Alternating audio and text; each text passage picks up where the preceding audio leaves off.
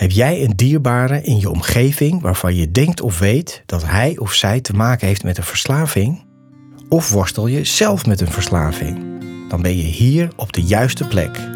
Mijn naam is René van Kolm en na 30 jaar verslaving ben ik clean en in herstel vanaf 2010 en werk ik sinds 2015 als familiecounselor. Dit houdt in dat ik die mensen in de directe omgeving van iemand met een verslaving help.